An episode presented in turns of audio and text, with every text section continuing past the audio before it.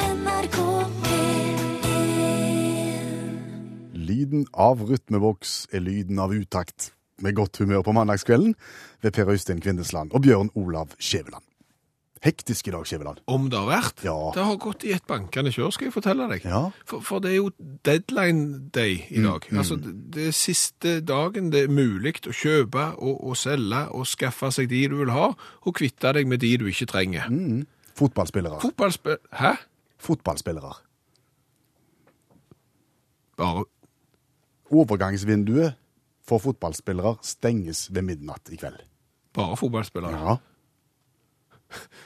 Det forklarer jo litt grann hvorfor det har gått litt trått. Hva fikk du? Jeg prøvde å kvitte meg med deg, Siden- men bare for...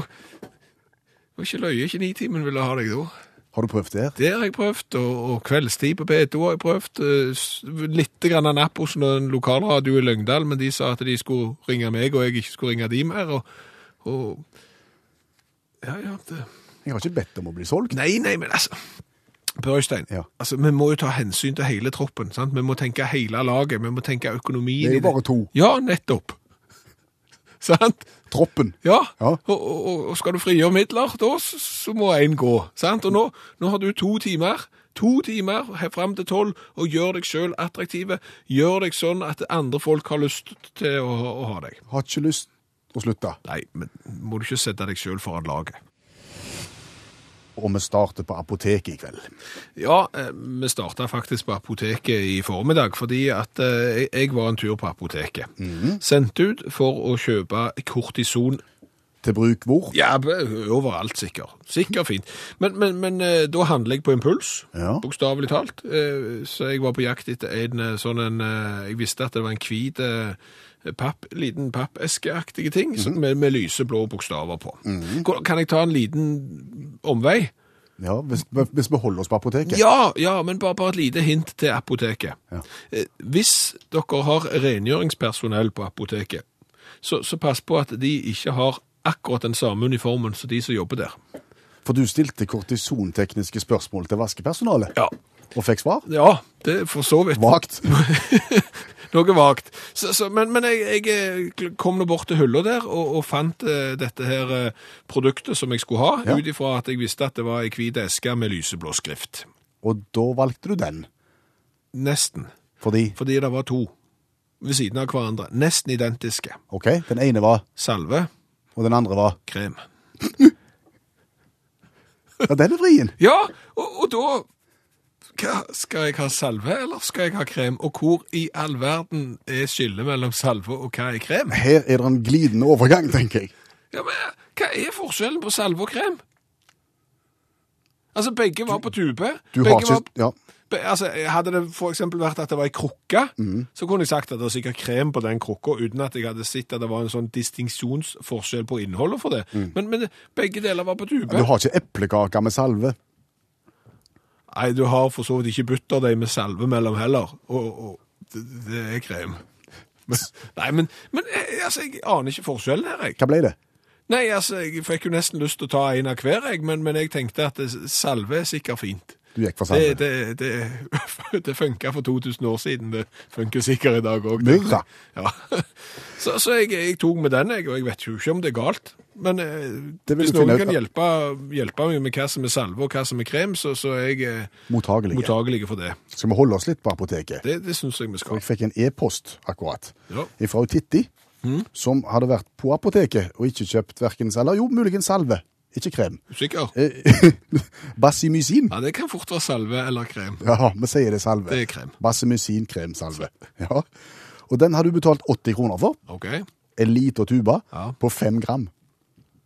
Så hun lurer på eh, kiloprisen på basemusin. Den, den jobben har vi tatt for deg, Titti. Ja, fordi at eh, hvis du tar 80 kroner, og, og, og så var det 5 gram, og deler det på 5, så får du 16 kroner grammet. Mm. Ja. Og så er det 1000 gram i et kilo. Ja, dermed er du på 16 000 kroner kiloet for bassimusin. Ja. Men hva får du for 16 000 kroner, da? Nei, Er det, er det dyrere enn narkotika? nei det, Nei, det er ikke det. det, er, nei, det et- er billigere enn narkotika. Ja, det er dyrere enn noe narkotika. et- Hva da? Katt. Og katter er det så mye arbeid med òg. Du, må jo- du må jo gjøre rent. Hæ? Og så kan du bli allergisk, og det renner av øynene. og da- Narkotikum med katt. Altså, det er Jeg vet ikke helt hva det er, men det er noen plantegreier. Og, og det kan virke som at når folk smugler dette narkotikumet, så, så er det Hvis det tre mann skal ha det artig en kveld, så trenger de to kofferter med katt. Minst. Og- Så da kommer du på flyplassen med overvekt i, i kofferten, Og det tyter litt grønt Ja. ut. og så er det å tygge en hel kveld. Og, nei, altså, da, da hadde jeg gått for bassemusin. Ja. Vi anbefaler verken katt eller annet narkotikus. NRK P1 Salve versus krem, Skjæveland. Ja, nå er det mange som har vært inne på Facebook-sida til Utakt, og mange har sendt SMS til 1987 og, og starta den meldinga med Utakt, og, og hever seg inn i en forklaringsmodell på, på hva som er krem, og hva som er salve. Ja, for det begynte med at du skulle handle deg et eh, kortisonprodukt, Ja. og møtte da på kortisonsalve og kortisonkrem og lurte på hva du burde velge. Ja, og jeg ser ikke forskjellen her. Altså, Sigurd har vel egentlig slått hodet på spikeren her. Forskjellen er at salve er et fornavn, krem er ikke det. det, det er bra. Men Ja, Lisbeth sier at salve er seigt og klissete, mens krem er flott og lett å smøre på. Ja, og det er det de fleste har- har skrevet inn her, at dette går rett og slett på konsistens. At kremen skal, skal være enkel og grei å smøre, mens salven skal være seig. Men jeg er ikke overbevist her, altså. Nei, For, for det er klart at da havner du plutselig i et mellomsjikt mellom mellom salve og krem. Den skjønte jeg ikke. Nei, men altså, Hvis det ham- handler om beskaffenhet, sant? at noe er litt seigt og noe annet er ikke fullt så seigt, og det som ikke er fullt så seigt, er krem, og det som er seigt, er salve, hva da når det er midt i? Da er det en meningsløs diskusjon som jeg tror vi skal bare legge bak oss her og nå. Nei, men da tenker jeg at dette kan folk bare ta med seg videre, og så kan dere diskutere det, så kan dere si, vi lærer i hvert fall noe av å høre på utakt. Hvordan går det med Vebjørn? Ja, det er det som var så interessant, for det der med læring var et helt bevisst ord nå for å komme oss inn på skoledebatten igjen. Jips. Du som har hørt på Utakt de siste ukene, vet at eh, vi følger Vebjørn og hans eh, reise i første klasse. Han begynte på skolen for to-tre uker siden. Ja. Og med utgangspunkt i at vi har hørt så mye om at den norske skolen ikke er bra, så ville vi følge Vebjørn for å høre om det kan være så gale som de sier. Ja, for det er klart, nå er det valgkamp, så nå vil jo alle snakke av skole og hvordan det skal bli bra, men dette er jo en diskusjon som har versert i åravis. Lærerne føler seg lite verdsatt, eh, med norske elever havner langt nede på alle sånne tester. Men, kan det være så gale? Vi vet ikke. Vi har fulgt Vebjørn, og hvordan har det nå gått denne uka da, Vebjørn? Denne uka har vi fokusert på hvordan vi skal snakke til hverandre i klassen. Det er jo sånn, vet du, at vi mennesker legger ulik betydning i ordene vi sier. Ja, jeg- det vet jeg jo. Jeg jeg skjønner jo det har jo blant annet kroppsspråk, tonefall og alt det der å, å gjøre. Ja, akkurat. Og derfor må vi ha samtaler rundt semantikken, for sier læreren. Semantikk, det var et fint ord. Eh, Hvorfor er det viktig? Kunnskap om semantikk er utrolig viktig for å unngå at noen føler seg mobba, og da er det avgjørende at vi opptrer pragmatisk i de ulike kontekstene vi møter på skolen. Ja jo, det hjelper jo alltid å tenke seg om før en snakker, jeg er enig i det. Absolutt. For folk flest er jo dette selvfølgelige elementer og grunnleggende språkvitenskap. Men for oss som er små, så er det viktig å bli minnet på dette. Da blir det triveligere i klassen. OK, eh, har det vært ei grei uke? Helt på det jevne. Travelt er det jo ikke akkurat. Og snart er det høstferie. OK, hvor mye penger får du for dette intervjuet, da? Jeg vet ikke helt. 40 kroner sikkert. Ja, det er jo 20-25. OK, da. Og så fikk vi inn et bilde fra en kollega av oss som har gått av med pensjon, men som har vært på tur i hovedstaden. Og så Der fant han et skilt som han tok bilde av og sendte inn til oss. Ja, og, og det skiltet er veldig interessant. Nå er jo dette radio, så vi skal jo lære, lese hva som står på skiltet, det skal vi gjøre. Men vi vil òg anbefale folk å besøke Facebook-sida til Utakt, så kan dere se skiltet. For dette er skilt i særklasse. Ja, Du kan si det er to instanser som er nevnt på dette skiltet. Det er tydeligvis at det henger ut forbi en kontorbygning eller noe sånt, Ja. og, og forteller noe om hvem som holder til. Ja, det, så det er tydelig at her er det to, som du sier, som, som som deler skilt og, og deler litt kontor. Og, og den ene organisasjonen, eller hva du vil kalle det, er da Klagenemnda for behandling i utlandet. Ja. Klagenemnda for behandling i utlandet. ja. Hva gjør de på? De, eh, der kan du komme hvis du er misfornøyd med behandlingen du har fått i utlandet. Ok, og da tenker du på hvilken type behandling? Nei, altså for eksempel, jeg mm, sjekket jo inn på flyplass på Mallorca for eksempel, hun, hun dama i skranken der var alvorlig sure, så jeg tenkte sånn behandling finner jeg meg ikke i, så da kunne jeg for så vidt ha gått til klagenemnda for behandling i utlandet, tenker jeg. Jeg tok taxi fra flyplassen i Barcelona sent på kvelden, Ja, og han som kjørte taxien, han brukte ikke aircondition, så det var 54 grader, og det var sent, sent, sent på kvelden, og han holdt på å sovne. Så jeg måtte snakke sånn tullespansk for å holde han våken. si. Ikke bra i det hele tatt. Nei. Hadde kunnet gått til klagenemnda for behandling i utlandet. Ja. Hadde jeg visst at den fantes, Ja. hadde vært der med en gang. Det, det, altså, det, de har nok helt sikkert mye å gjøre, de, tenker jeg, klagenemnda for behandling i utlandet, fordi at det, det er veldig mange utlendinger som behandler oss nordmenn ugreit når vi er ute og reiser, for vi er jo alltid såpass trivelige når vi er på tur, uansett. Aldri noe tull med oss. Aldri noe tull med, med oss nordmenn. Så, så den der tenker jeg de har det travelt. Men så har du nabokontoret, da. Ja, Der eh, har de iallfall brukt mange bokstaver. ja det har de. Eh, og, og, men, men det er jo for så vidt en grei institusjon, det òg. Det er da preimplanta... Det må nesten Preimplantasjonsdiagnostikknemnda. Det var preimplantasjonsdiagnostikknemnda. Ja. Den holder til antageligvis da vegg i vegg med klagenemnda for behandling i utlandet. Hva gjør de i preimplantasjonsdiagnostikknemnda? Nei, altså der tenkte jeg at hvis du skal finne ut hva de gjør i preimplantasjonsdiagnostikknemnda, så, så må du bryte det opp til sine enkelte bestanddeler. Og jeg tenker vi begynner bakfra. Vi begynner bak.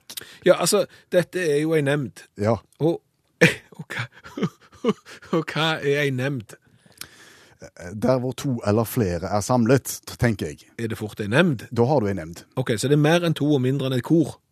Ja, dette er et godt bilde. Ja, Nei, men det er greit. Det er da En nemnd er mer enn to, mindre enn et kor. som, som avgjør ting, tenker jeg. Hva da for? Ja, det er det som er jobben til nemnda. Å ja. Men de driver med diagnostikk. Ja, før de avgjør ting. Ja, og, og, og diagnostikk, det er De, de, de ser det på den måten, eller så kan det være på den måten. De diagnostiserer et eller annet som fører til at eh, denne her grupperingen på flere enn to og mindre enn et kor kan fatte en avgjørelse. OK. Så nemnda med- som driver med diagnostikk, er òg implantasjonsdiagnostikk. Og hva er et implantat? Det er noe som du stapper inn. Det tenker jeg òg. I- Å implantere noe, det er noe du Og jeg tenker umiddelbart, og det er mulig at det, det virker innspora her, men jeg, men jeg tenker bryst. ok? Det er ikke sikkert du skal tenke det. Hva da for ikke? Nei, for er det mulig at du kan stappe en ting andre plasser? Ja ja, men, men, men det, jeg tror det er primært det. altså Det er implantat, sant? Og Du har hørt om brystimplantat. Ja. Så her er det mer enn to, mindre enn et kor, som diagnostiserer brystimplantat. Akkurat. Ja. Men ikke bare det, de Nei. gjør det før. Ja, pre. Ja, preimplantatdiagnostikk m- mer enn to mindre enn et kor. Og pre er som du sier før, altså så sitter disse og bestemmer at før du får implant... så må de som er da flere enn to og mindre enn et kor, diagnostisere om dette er en god idé eller ikke. Ja, og derfor så tror jeg det er veldig lurt at de er i samme lokale som klagenemnda for behandling i utlandet, for vi vet jo at det er såpass dyrt å legge inn sånne implantat at mange reiser ut til utlandet for å gjøre det, og så kommer de tilbake og så er de ikke fornøyde for det er det lekker. Nei. Og dermed så, sant, skulle de gjerne ha vært på preimplantasjonsdiagnostikknemnda, så hadde de sagt at dette bør du ikke gjøre. Det er ikke tilfeldig at de ligger vegg i vegg. Det er ikke det. Ikke i det hele tatt. NRK P1 Nå hører du utakt i NRK P1, og vi skal snakke om det vi har satt, eh, kalt snåle søksmål.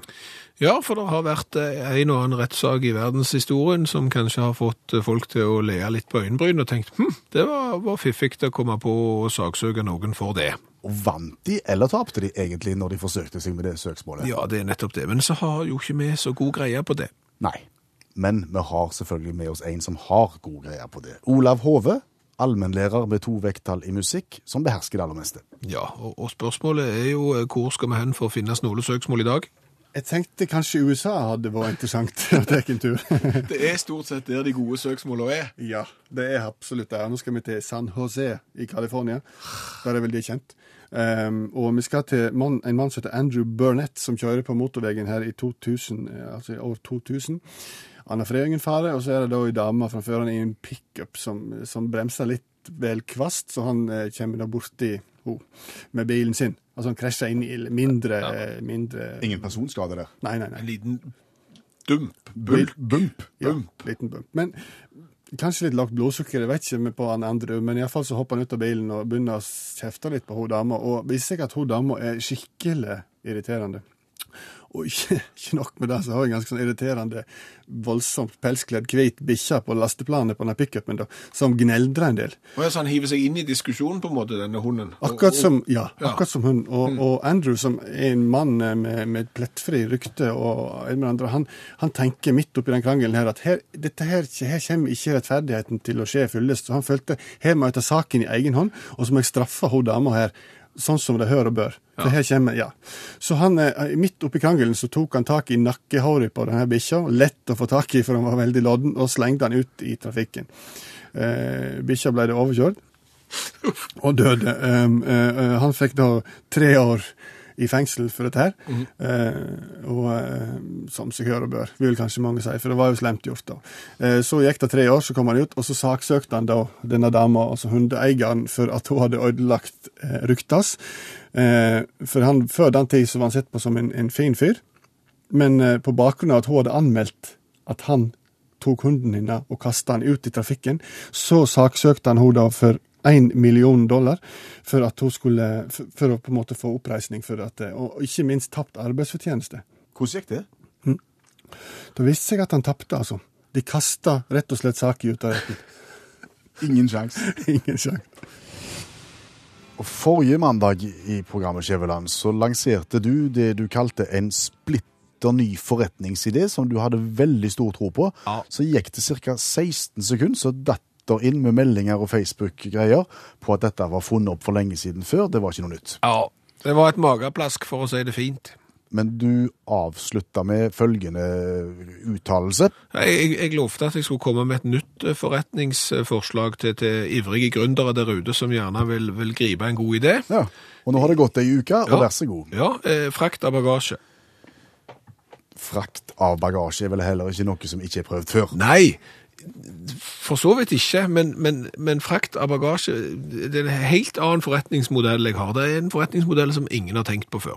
Utgangspunktet er Altså, Utgangspunktet er jo at f.eks. sånn som meg. Ja. Jeg er jo en av de som liker å dra på tur med klær. Ja, og altså har bagasje med deg. Ja, jeg, jeg syns det. Jeg må si at jeg syns det er greit å kunne reise til Syden og ha med klær, for f.eks. Og det betyr jo at jeg må ha med koffert. Ja. Men så er det jo noen flyselskap som syns at det er mye greiere hvis de som reiser, ikke har med seg klær. Nei, og derfor tar de seg alvorlig betalt for den kofferten du skal ha med. Ja, du kan gjerne betale 33 kroner for et flysete, og, og gjerne 1380 kroner da for bagasjen. Sant? Og, og, og Reiner-sjefen har sågar uttalt at eh, han er ikke fornøyd før han er kvitt bagasjen. For godt. Ja, og det er der forretningsideen min kommer inn, sant? Altså, da har du et flyselskap som frakter passasjerer, og så har du mitt selskap, Skjæveland Consultants, for eksempel, som frakter bagasje. vi tenker koffert. Absolutt, sant? Nei, men altså, bare la meg gjøre det helt enkelt. Det, det er faktisk så gale at hvis du skal reise til, til la oss si, USA med, med noen av disse selskapene her, så kan du risikere å måtte betale over 500 kroner per koffert. Ja, det har jeg skjønt. Ja, og det er klart at hvis jeg da for eksempel leier en container på, på 12 ganger 240 ganger 260, altså 75 kubikk container, da har jeg regnet ut at hvis du har sånne store kofferter, så er det plass til over 750 sånne kofferter. Og jeg har sjekt prisen på dette her, det er 5800 dollar fra havnen i New York, Nå må du snakke sent. ja, til, til, til, til Norge. Og et, rent, et enkelt regnestykke da, hvor mye sa jeg at det kostet med en koffert hvis du tok den med på flyet? Ja, det kunne være 500. sa Og du. mer enn det òg, sikkert. Med mitt regnestykke så er liksom nettokosten er 38 kroner per koffert. Men Du skal sende bagasjen i en container eh, som skal gå med båt, parallelt med at den skal fly over til destinasjonen. Mm. Ikke parallelt, for det vil være litt dumt, ser du. Ja, det var det jeg tenkte å si, at du må jo sende den bagasjen av gå- gårde i ukevis. Jo, før men den skal- Det er jo hele vinnerformelen her, det, Per Øystein. For tenk deg det.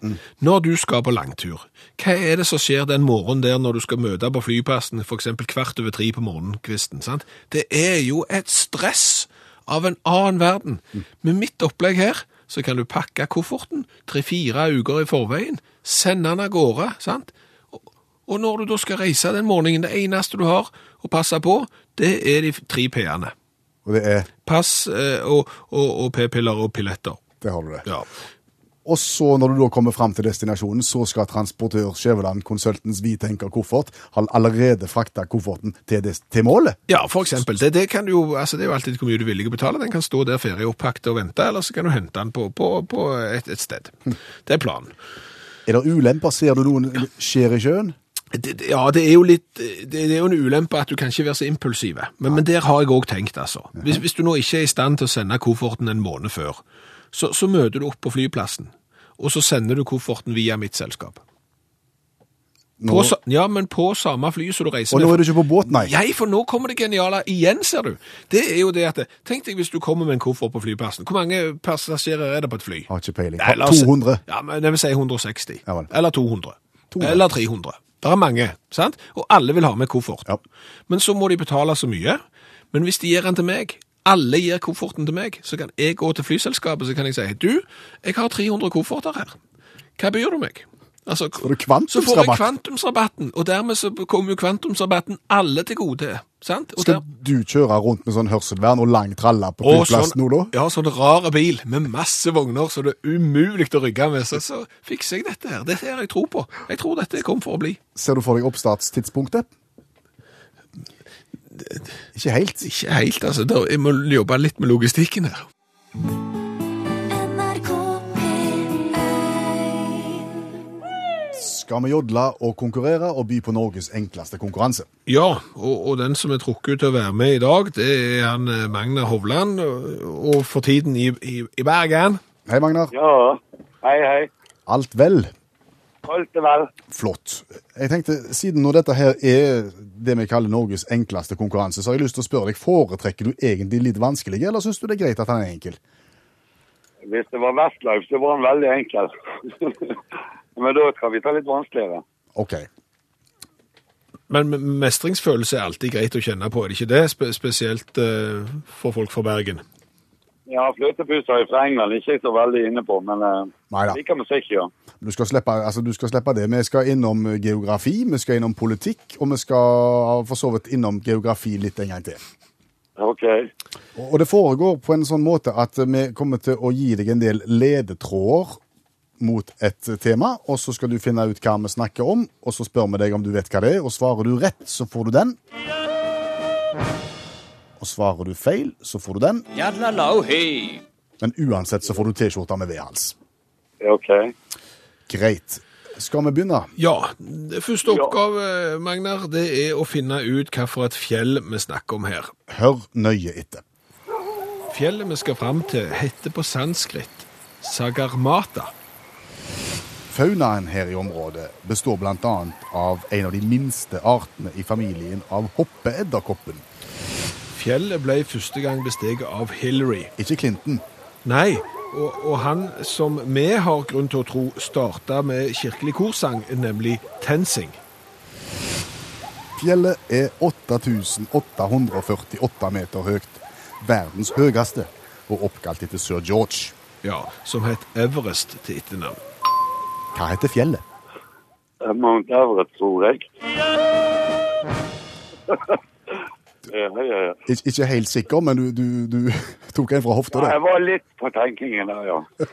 Ble litt usikker i starten når du fikk det Sagramata er og sånn. Ja, ja, ja. Ja, men det er godt. Da har vi begynt på, på stigen mot eh, seier her, og Det er 1-0 til Brann, for å si det sånt. ja. Ja, det var ikke for tidlig. Nei, det var det.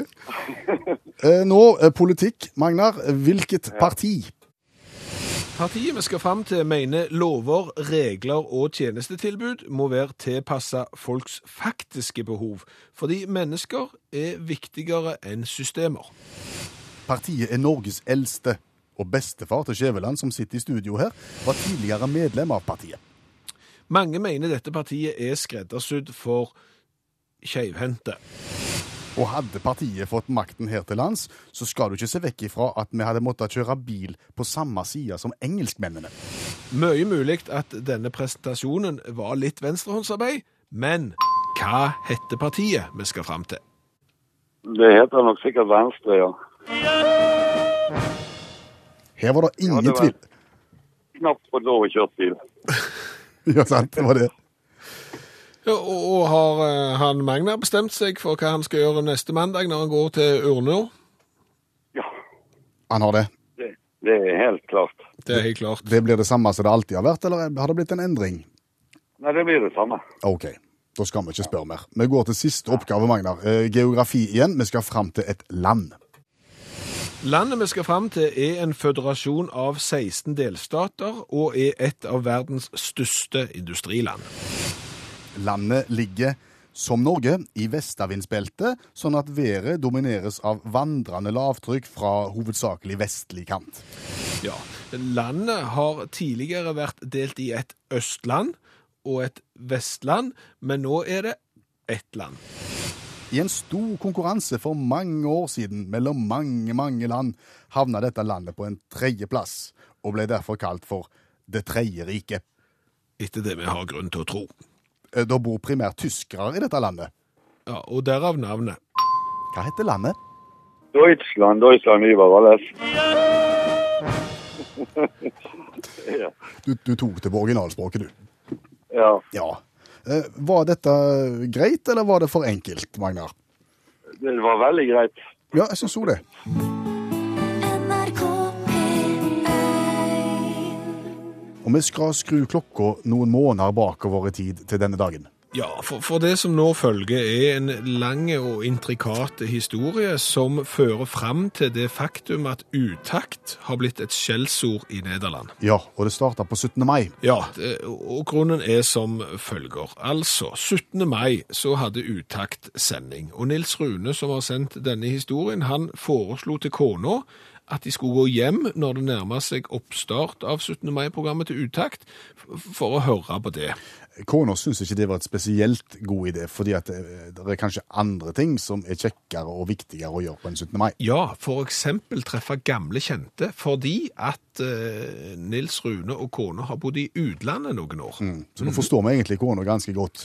Ja. Men det Nils Rune da gjorde Ja, han- han, han tok fram en mobiltelefon med, med, med sånn ørepropp i, eh, skrudde på NRK P1 og hørte på utakt mens han gikk litt i tog, humra litt innimellom, var sosial og spiste pølser og is. Ja, å lytte via telenettet, da, kan du si, på en måte. Ja, via altså mobiltelefon. st- streama det rett og slett som, som data til mobilen. Ja. Eh, s- Historien har, har eh, følgende informasjon som er viktig her. Eh, Kona er fra Holland, Mm. jobber i et oljefirma i Holland, og, og han ante ikke helt at han hadde toget, altså Nils Rune, hadde toget kona sin jobbmobil. Og det var ikke den private, nei. Det var Nei. jobbmobilen. Ja, og det vil da si Ja. at Nils Rune har brukt datakapasitet i Norge på en nederlandsk mobiltelefon Det er ikke for å spesielt høre- billigt. for å høre to timer med radio. Det er dyrt. Det er ganske dyrt, Mm. og dermed så fikk jo kona litt eh, i gåsøgne kjeft fra arbeidsgiveren grunnet høy telefonregning, noe hun mente det her kan jo ikke stemme. Nei. Men så fant de ut av etter hvert at all denne datatrafikken skjedde 17. mai fra Norge. Og dermed så la en to og to sammen, og så ble det utakt som fikk skylda. Ja, og, og, og nå eh, har Nils Rune fått kjeft, og vi har fått kjeft, og, og den nederlandske kona bruker da eh, utakt som et litt sånn eh, småbannet ord. Når hun er sint, det. Ja, istedenfor Søren så bruker hun utakt. Ja, og så legger hun litt ekstra trykk på U-en, står det her. Ja. Så det er utakt. Ja. Men det er rørende det å kunne være skjellsord i Nederland. Nå har vi en kalv oppkalt etter oss, Ja. en hund Ja. oppkalt etter oss, og et skjellsord i Holland. Ja og nei. Utakt NRK P1, hvor vi har snakket blant annet om eh, frakt av bagasje. Skjæveland lanserte sin nye kongsidé, alternativ kofferttransport, i stedet for å sende det med fly. Ja, og har fått et innspill her på SMS, som er sendt til 1987 og starta med utakt. Jeg kjører per i dag taxi og kan gjerne, om du eventuelt vil dra til Tyrkia, frakte kofferten din for eh, 135 000 inklusiv bompenger. Det høres ut som et godt tilbud. Det høres ut som et kjempegodt tilbud. Det, det slår vi til på. Bare få navn og adresse, altså. Så ordner vi opp. Om jeg kan fortelle om noe oppsiktsvekkende som skjedde for to år siden. Ja. Egentlig så syns jeg det er litt for lenge siden til at jeg skal fortelle om det, men poenget er at det skjedde igjen her i forrige uke, og derfor så finner jeg det oppsiktsvekkende. OK. Du må bare begynne. Ja, da gjør jeg det. Ja. For to år siden For to år siden. Mm. så bestilte jeg via internettet en eh, datamaskin. en bærbar sådan. OK. Eh, og sammen med den så fulgte der et gavekort som jeg kunne bruke på denne maskinen til å, å på en måte kjøpe meg ting. ok. Ser du for deg konseptet? Eh, Jeg ser for meg konseptet, og jeg ser for meg hva frukt som er på dette produktet. Ja, det kan du si. Ja. Det, det er ikke banan. Det er ikke banan. Nei. Nei. Eh, en maskin og et kort som altså kunne brukes til å kjøpe ting. Ja. Det bestilte De jeg. to tingene der. Ja. Ja. Og det skulle komme på døra. Ja. Mm. Og det gikk ca. 14 dager, og jeg drev og så fulgte det på internettet på sånne her tracking-greier for å se at nå var det kommet til Sola, og nå var det kommet dit, og snart er det hjemme hos deg. Mm. Og jammen santen, etter ca. 14 dager så ringte det på døra, pakke til Kvinnesland, tusen takk, skrev unna, og gikk inn. ja. Åpna pakken, fant datamaskinen, men fant ikke gavekortet. Da ble du erg. Ja. Ja, ble litt irritert da. Ja. Tenkte jeg, søren, jeg skulle hatt begge deler. ja. Så nå går jeg inn igjen på, på datamaskinen på det der tracking-systemet for å se om jeg kan spore en eller annen feil der. Mm. Og der står det at kortet er på vei, det òg, OK. med en annen bil. Med en annen bil, Ja, ja. Så bare vær tålmodig, det kommer, det kommer, det kommer. Og to dager etterpå Ja. så hører jeg ute i veien mip, mip, mip. Så er det altså da en større lastebil, type liten trailer, som rygger inn i gårdsrommet. Ja. Mann kommer ut, ringer på døra, gir meg en konvolutt. Jeg skriver unna, og oppi konvolutten ligger det et gavekort på størrelse med et kredittkort. ja. Det må jo nesten fraktes med lastebil hvis det skal være vits i, tenker Jeg jeg. syns vel òg egentlig det. For to år For siden. to år siden syntes jo dette var litt oppsiktsvekkende, men tenkte det er nok bare en tilfeldighet. Her har det skjedd et eller annet gale Ja. som gjør at de må gjøre det på den måten her. Ja. Så, to år senere, Der, altså. i forrige uke, så hadde jeg nok en gang bestilt et produkt av type datamaskin fra en leverandør som ikke har et eple som symbol. Som ikke har et eple, nei. Nei. Mer enn banan. Eh, Da roter du. nå Som roter jeg. ikke har en banan, men som har et eple på, ja. Mm. Ja, for eksempel. Eh, og samme tilbudet var det, med gavekort denne gangen òg. Å, ja. Nå skal det bli spennende å se om, om, det, om de følger samme kassen, eller om det skjer det samme som sist. Ja. Eh, mann på døra kom med pakke, jeg åpna, ingen gavekort. Nei. To dager seinere La meg gjette. Mip, mip, mip, mip. Svære trailer med kredittkortstørrelse på gavekortet. Jeps. Tusen takk. Jeg tenker Du må ha ganske mye penger i den organisasjonen der når du kan holde på sånn. Eller så er det så utrolig dyrt å sende ting med posten at det er billigere å sende en mann med lastebil. Tror du det? Jeg håper ikke det. Nei. NRK P1 Du, nå skal vi gjøre et eller annet som vi ikke helt vet utgangen av, men det kom inn en melding akkurat for, for et par minutter siden eh, som lyder som følger. Hva med en fantastisk god, sann fiskehistorie om en gutt på ti år? Det hørtes såpass spennende ut at vi vil gjerne høre en Arne. Hei. Ja. Hei, er du der? Ja, fortell. Ja. Jo, nå skal du høre. Eh, jeg heter da Arne Olsen. Og jeg har ei hytte der meg og kona mi, Borghild, vi har ei hytte eh, ca. 6 km sør for Lyngdal. Ja. Og nå i helga da, så hadde vi besøk av et barnebarn. Og han heter da Einar Alme Olsen. Og han liker veldig godt å fiske. Og det som var- skjedde da at vi satt nede på brygga, men vi er rett med Lenefjorden, som det heter. Og det som er da at eh, der står noen sånn tyske folk, vet du, med mangfoldige sånn ja, det koster mangfoldige 100 kroner de stengene de, de vanligvis, eh, vanligvis fisker med. ja, hva hadde han ene for noe? Ja, han ene hadde en liten bambusstang som kona mi eh, har minner fra barndommen sin igjen. For, for hun kom fra Trøndelag, og der hadde mor lagd en bambusstang. Og der var det halvannen meter sen på. og så, du vet, det er tyskerne de står jo og fisker og får ingenting. Og så sier han barna, barna mitt om han kunne få lov å låne den stangen til den bestemor på halvannen meter sen. Ja. Ja, sier bestemor, det skal du få låne.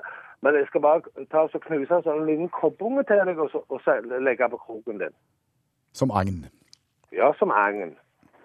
Og du vet det, han fikk én og fikk to fine bergulter. Fantastisk god mat vet du, til å lage fiskesuppe av. Og så heiv han utpå en gang til, og plutselig så begynner han å hyle. Å, jeg har noe stort, jeg har noe stort.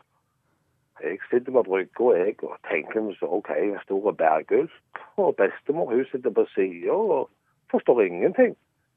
Og så drar han noe stort opp i båten. Og så, så sier jeg til henne «Du, Hva hva er det han holder på med? Jo da. Så gikk jeg opp i båten, for han ene han satt i båten og fiska da. Mens båten lå inne i brygga da. Ja. Og vet du hva? Den fineste sjøauren jeg noen gang har sett, den drog han opp ei stang som kosta ca. fire kroner. Og halvannen meter sen. Halvannen meter sel, ja. Vet du hva? Det er den fineste opplevelsen jeg har hatt. I, ja, så lenge jeg har hatt hytta her. Vi har hatt hytta her i tolv år, meg og mor. Og, og tyskerne fikk ingenting. Absolutt ingenting. Og de satt med stenger til mangfoldige hundre kroner. Og vet du hva? Jeg sa ikke et ord. Vi gikk opp, og så hadde vi den som en fantastisk godt måltid på lørdag ettermiddag. Ja. Så kjekk historie å høre. Det er en fantastisk god historie om en liten guttunge. Men stakkaren, han visste jo egentlig ikke hva han hadde fått opp. Men jeg har forklart han og snakket med han, så jeg sa til han, du må ikke forvente at du skal få det der hver dag. Men, men vet du hva? Jeg tror ikke han egentlig har forstått det ennå, hva han egentlig fatt. Men det er det fineste kjøren. Han veide mellom 600 og 700 gram, og så røde, fine øre, det har jeg aldri opplevd før. Hilsen, Einar. For eh, en tid tilbake så diskuterte vi den mest meningsløse publikumsidretten. Og vi kåra vel orientering på en finfin andreplass. Ja, altså, det- Orientering har jo trona lenge på toppen.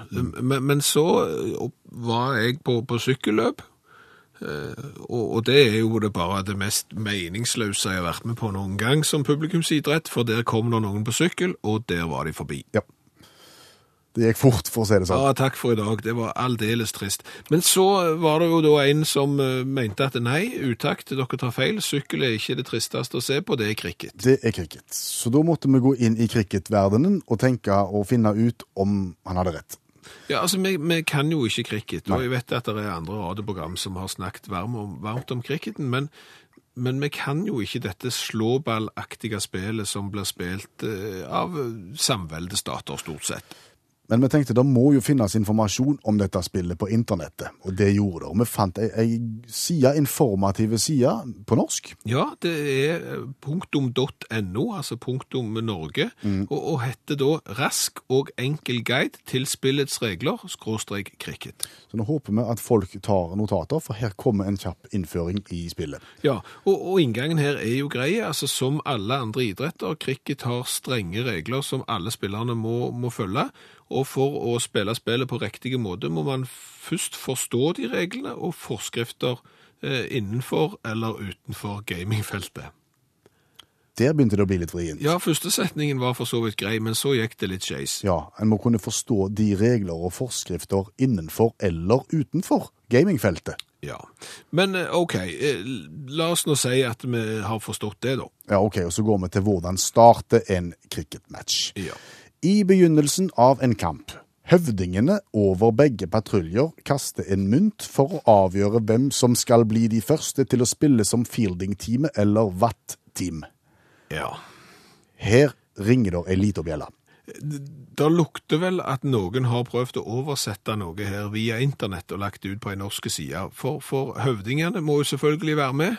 Og, og, og ingen, skal du spille på fielding team eller vatt? Ikke godt å si. Nei. Men som med andre avgjørelser inne i spillet, er kaptein ansvarlig for å styre og holde laget sammen. Jo, men det er som fotballkapteinen er viktige. Enten du er på fielding-teamet eller på watt. Ja. Etter at to spillere, skråstrek batsmen, fra vattlaget plasserer seg i banen motsatt av hverandre, mens resten av laget sprer seg over feltet for å gi støtte. Var det en ufullstendig setning? Ja, og hvor kom batsmen inn i bildet? Aner ikke. Nei. De resterende ni. Hvor hvor- hvor mange har- er det totalt da? Vil gjøre dette til at deres tur til å bat. Til å bet, ja. Eh, og så kommer det. Eh, å starte en kamp. Boller muggen Mhm. fra fielding-team med cricketballen. Og Det er viktig, altså. Hvis du boller muggen feil allerede der i starten av kampen, så det, det kommer til å følge deg for resten av spillet. Altså, du må bolle muggen riktig. Ja, for hans hovedmål Ja. er å forsøke å få bats batsmen ut, Ja. som han kunne gjøre. Og dette kan han gjøre på fire måter, og her kommer de fire viktigste måtene. Og om bolle muggen ut fra for batsman på. Og, og det er, Nå må folk notere, for dette kommer til å bli skriftlig prøve på neste runde. Altså, eh, skal du bolle muggen, så kan du enten kjøre én fanget, To, bold, tre, legg før wicket, fire. ja, kjør ut. Ja. Og og det er klart, det er stort tydeligere kan det ikke bli. Eh, Neste uttakt så kommer vi til å gå videre. Nå har vi starta en cricketmatch. Vi skal da fortelle hvordan du får poeng.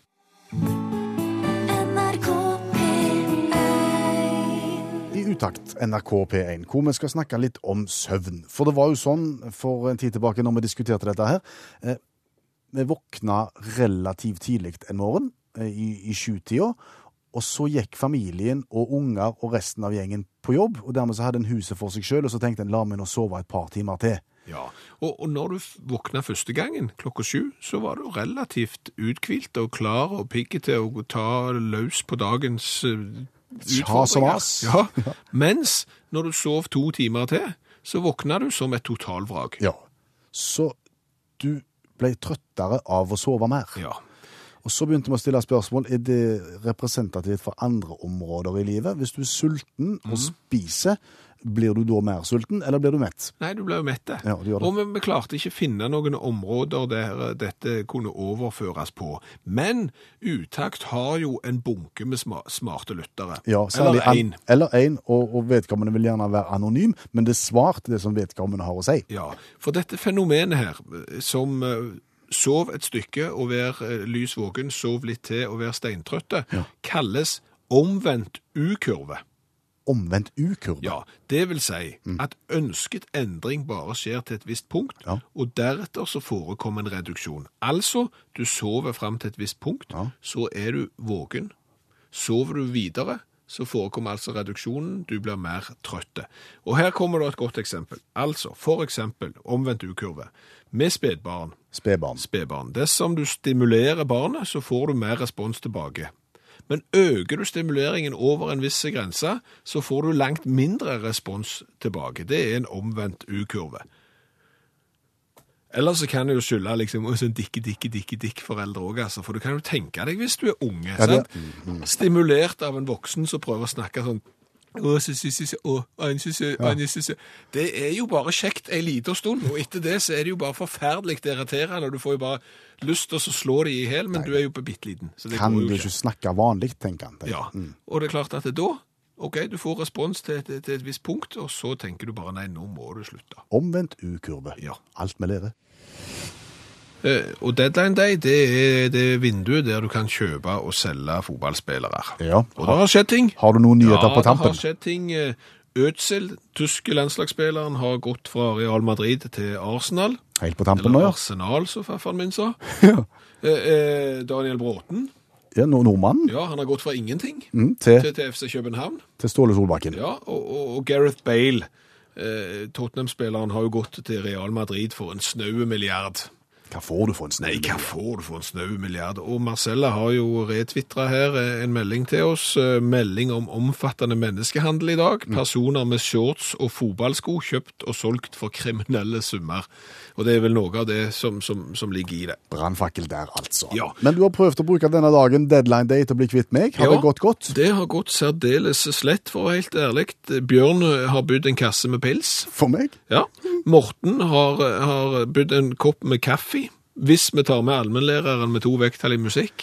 Ok. Så du ser at det er fra en snau milliard for Gareth Bale til en kasse med pils for deg, det er et stykke mellom her. Du får slite med meg neste mandag òg, Skal tenker jeg. ikke se vekk ifra det. Nei. For neste mandag er det valg, så da er det ikke utakt, men vi møtes om to uker. Hør flere podkaster på nrk.no podkast.